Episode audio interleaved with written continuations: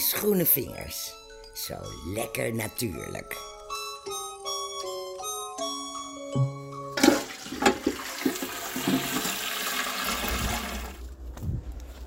Ja, die heeft wel wat water nodig.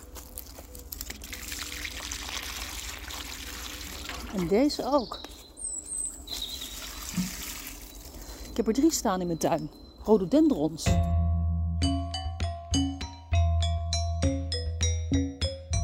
Die rhododendron die zorgt echt voor een explosie van kleur in je tuin. Ze groeien voornamelijk op het noordelijk halfrond, maar ze worden ook aangetroffen in Maleisië, Borneo, Nieuw-Guinea en Noord-Australië. Maar de meeste soorten komen voor in de bergen van Oostelijk Azië. Er was een plantenjager die halverwege de 17e eeuw vol trots de eerste rhododendron in Engeland introduceerde. Nu zal hij opkijken als hij wist dat er vandaag meer dan duizend soorten bekend zijn. Er worden trouwens nog steeds nieuwe soorten gevonden. Een paar jaar geleden ontdekten botanici in Nieuw-Guinea een soort die in boomtoppen groeit en net als orchideeën luchtwortels heeft. Als we de geschiedenisboeken mogen geloven, dan hebben rhododendrons heel wat op hun geweten. Zo zou het leger van Xenophon in 400 voor Christus zijn kamp hebben opgeslagen in de heuvels van Armenië.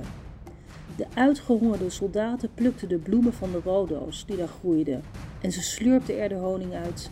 Ze wisten niet dat die honing giftig is. Ze gingen er niet aan dood, maar ze werden wel verschrikkelijk misselijk, kregen last van buikloop en ze begonnen te hallucineren.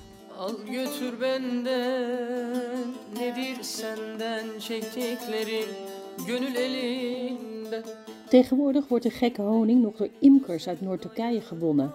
In de inheemse rodo zit graianotoxine. Wanneer bijen zich met voldoende rhododendronnectar voeden, krijgt de modderhoning die ze produceren een hele scherpe geur en een hele bittere smaak. En als je dat eet, dan kun je er haai van worden. 18e-eeuwse Europeanen noemden het milfou, gekke honing. En ze kochten het van de Ottomanen. Ze mengden het met bier voor een extra kick. Als je er echter te veel van gebruikt, dan kan het leiden tot een gevaarlijke daling van de bloeddruk, misselijkheid, flauwvallen, epileptische aanvallen, hartritmestoornissen en in hele zeldzame gevallen de dood. In Turkije worden jaarlijks tientallen vergiftigde mensen opgenomen in het ziekenhuis. Dus denk even na voordat je milfoe gaat gebruiken. Mien zat in haar nachtjapon, achter de rhododendron. Al waar hij haar niet vinden kon, zomaar weg zonder pardon. Heeft u haar soms gezien misschien?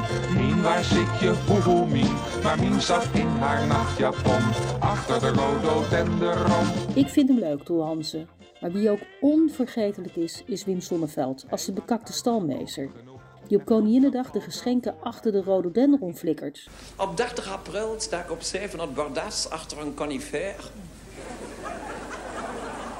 Men ziet mij niet, maar ik ben er wel en zo hoort het ook, want alles wordt gladjes verlopen.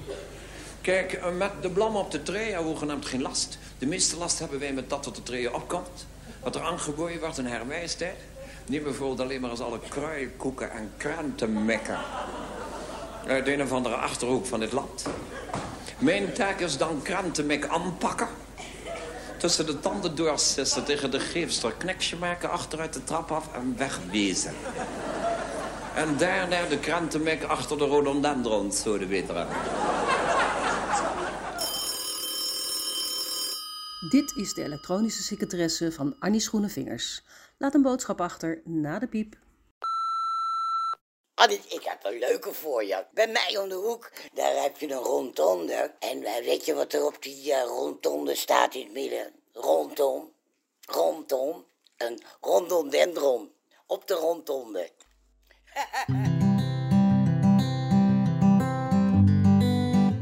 De Rodo stekken is gedoemd om te mislukken. Het kost namelijk heel veel verzorging om de stekken te laten wortelen.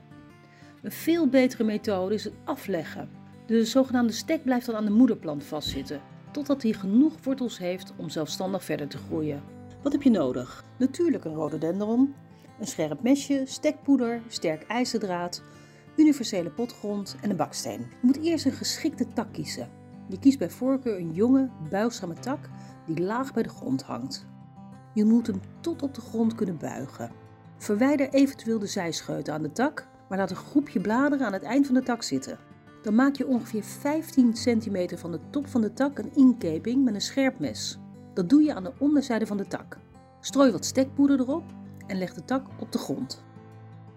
En duw hem met een stuk ijzerdraad stevig de grond in om te voorkomen dat hij weer omhoog komt. Dan bedek je de tak op deze plek met wat potgrond. Je houdt de tak op zijn plek met een zware baksteen en je moet hem regelmatig water geven om het gebied vochtig te houden. In de herfst zal de tak wortels krijgen, maar je moet hem tot het voorjaar laten zitten, want dan heeft hij een betere kans om de winter te overleven. En in het voorjaar kun je dan de tak lossnijden van de moederplant. Gaaf de stek uit en je herplant hem waar je maar wil. Veel plezier met je nieuwe Rodo. Ein Feuerwerk der Farben erwartete die Besucher bei der Blumenschau Rodo, die Himmelfahrt im Beisein von zahlreichen Ehrengästen eröffnet wurde. wild van de Rodo? Dan moet je een keer in mei naar het Noord-Duitse Westerstede. Daar wordt de grootste rhododendron show van Europa gehouden. Het centrum van de oude stad is iedere vier jaar het toneel van een uitbundig bloemenspektakel. Heel hartelijk dank. Fijne mensen in de rij, fijne mensen in het land, fijne winkeliers en iedereen. In een show van Mies Bouwman pleit de bond tegen vloeken ervoor om bij plotselinge woede niet godverdomme te zeggen, maar rhododendron. Rhododendron was volgens de bond een gevaarloze vloekvervanger. Ik geloof god voor de god voor niet dat het gelukt is om de rhododendron breed te verspreiden als vervanger. Arnie's Groene Vingers gaat er een eind aan breien. En ik sluit af met een lekkere tune uit de jaren 50, de Rhododendron Song.